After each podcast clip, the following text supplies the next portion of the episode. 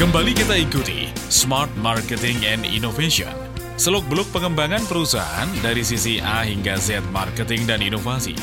Bersama DSW, pakar dan praktisi bidang marketing dan inovasi, sekaligus Business Development Director SLC Marketing. Baik, smart listeners, kita lanjutkan kembali perbincangan kita dalam Smart Marketing and Innovation. Masih dari rangkaian perbincangan Salesmanship Strategy, kita berbincang tentang Sales Knowledge Management ya. company knowledge. Oke. Apa sih beda produk Anda dengan produk pesaing? Nah, ini Pak. Seringkali kita ditanya seperti itu, apa ya bedanya? Sama aja sih Pak ya. Harganya yang beda Pak.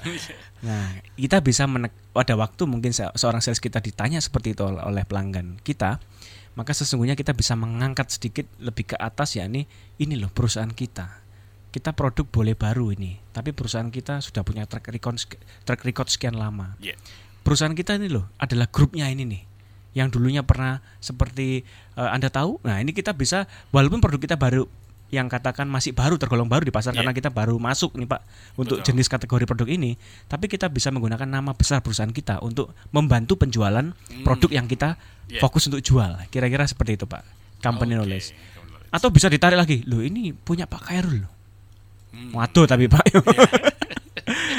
ini punya wah ini grupnya ini nih jauh masih tapi paling Iya, nggak membantu sosok pendirinya ini kan juga personal branding yang sangat kuat untuk Betul. membantu uh, branding perusahaan.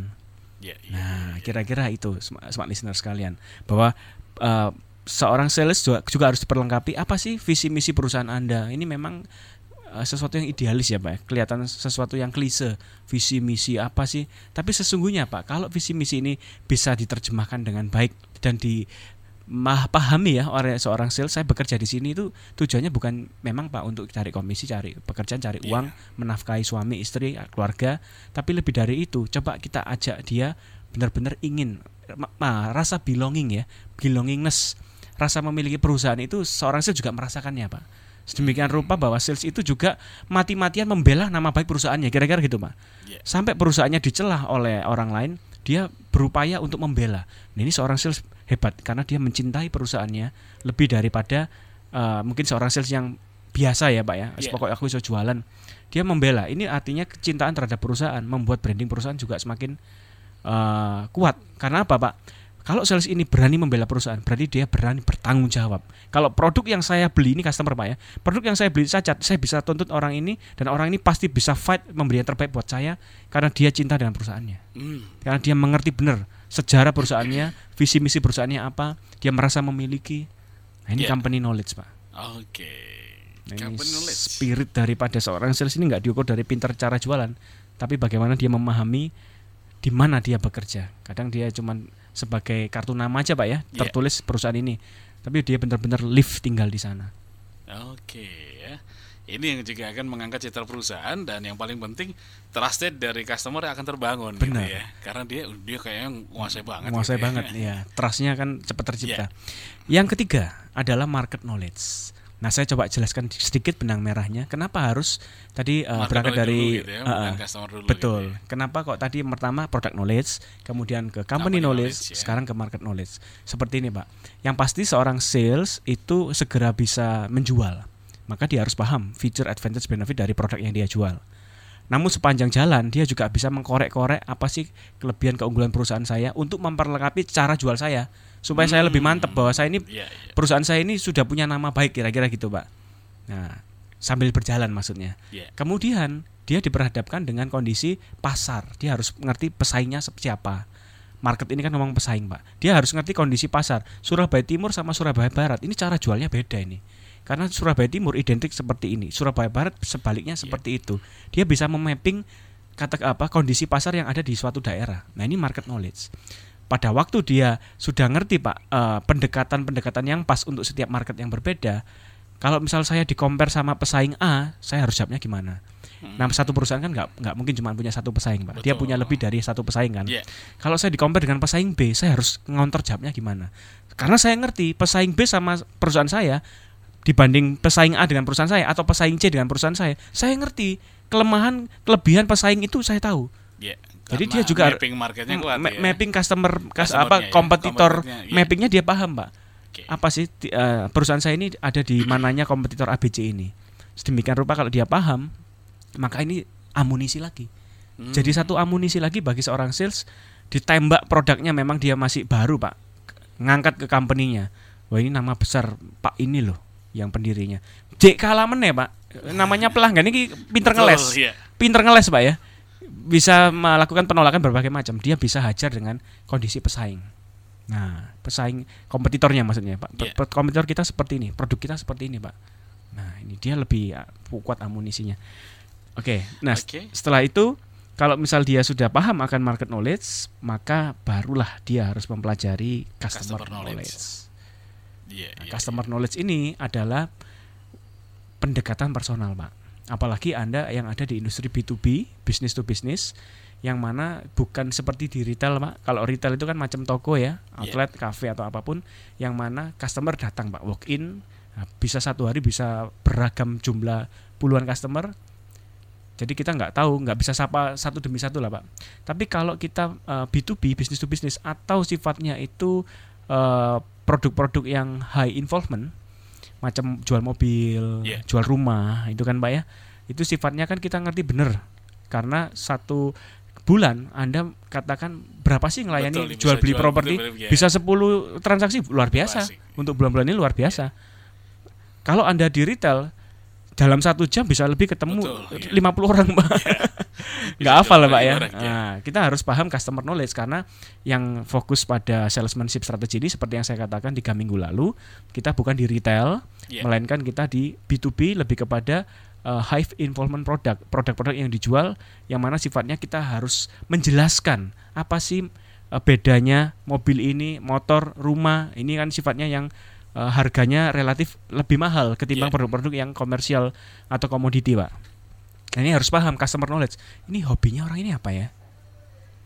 Kemudian kalau bisa tanggal lahirnya, Pak. Macam Hmm, yang jual iya, mobil, iya, jual iya. rumah itu paling enak. Dia punya database, tambah lama tambah banyak. Karena apa? Selalu minta fotokopi KTP, Pak. Betul.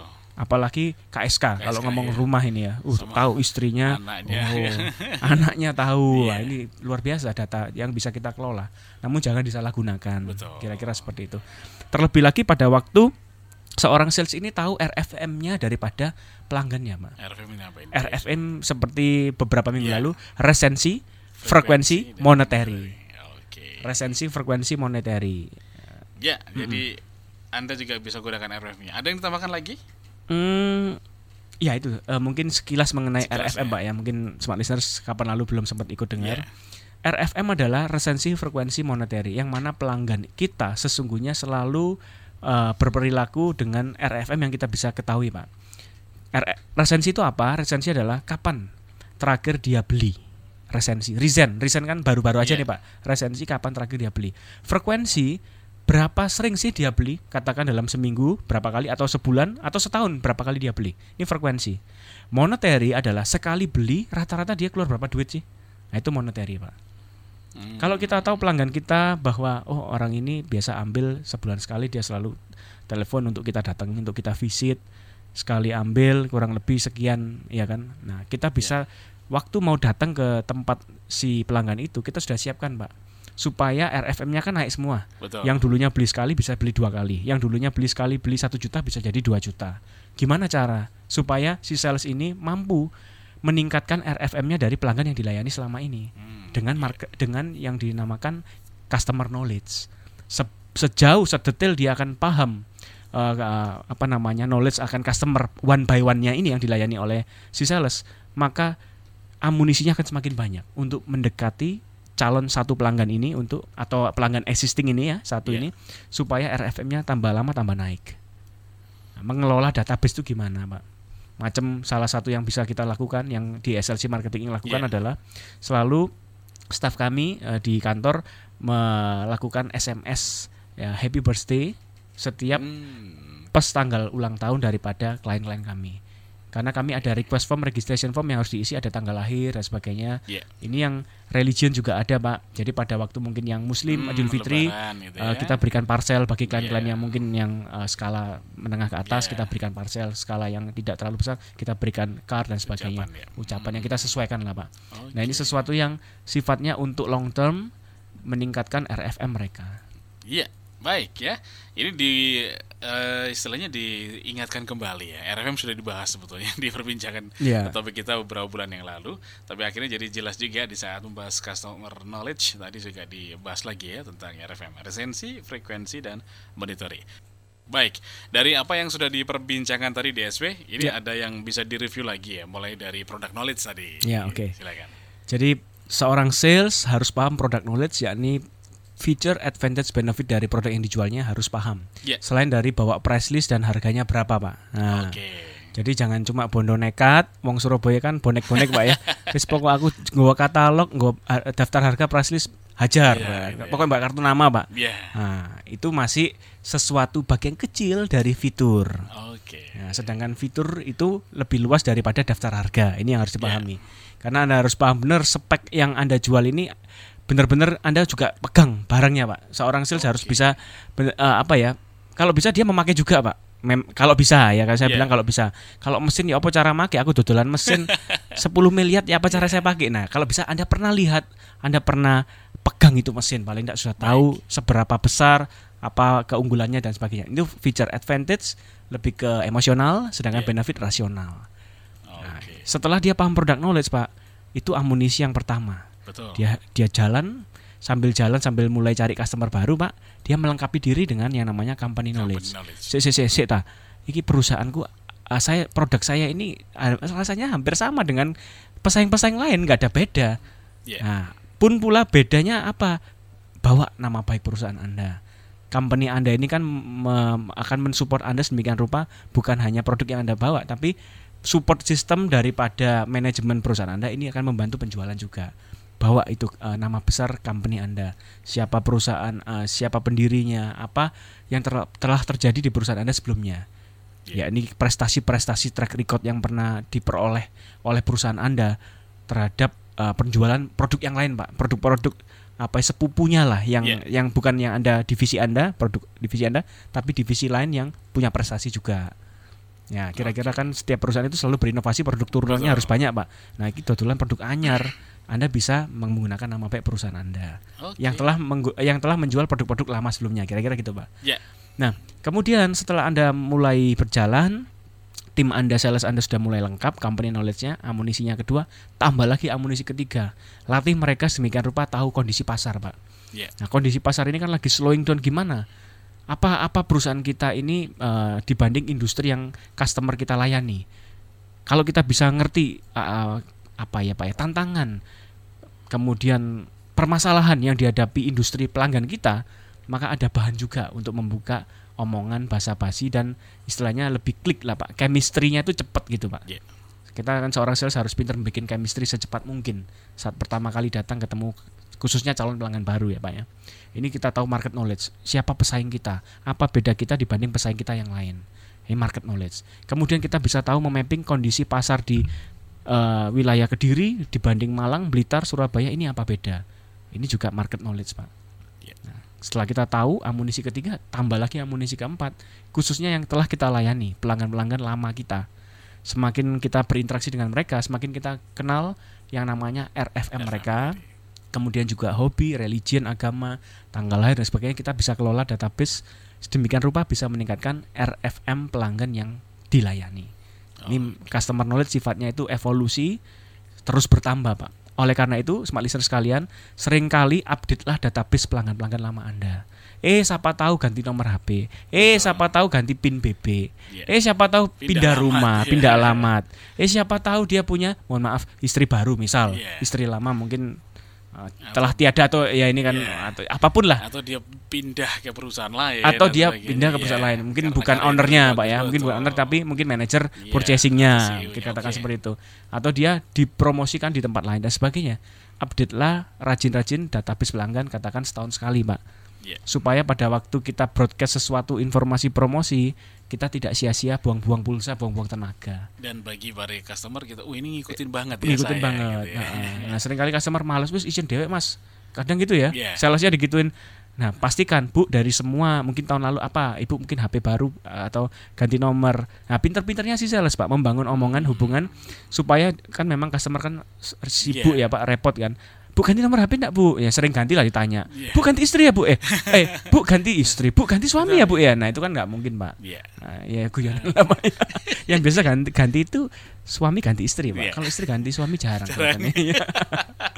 Ah, Oke itu kira-kira Pak. Eh, Semakin Oke, kita ya. dalam customer knowledge maka RFM eh, resensi frekuensi monetary dari pelanggan kita harapkan Akan naik. naik juga. ya. Itulah sales knowledge management. Mengelola keempat jenis knowledge ini sedemikian rupa terus empat amunisi ini kuat semua sales pasukan kita ini, Pak.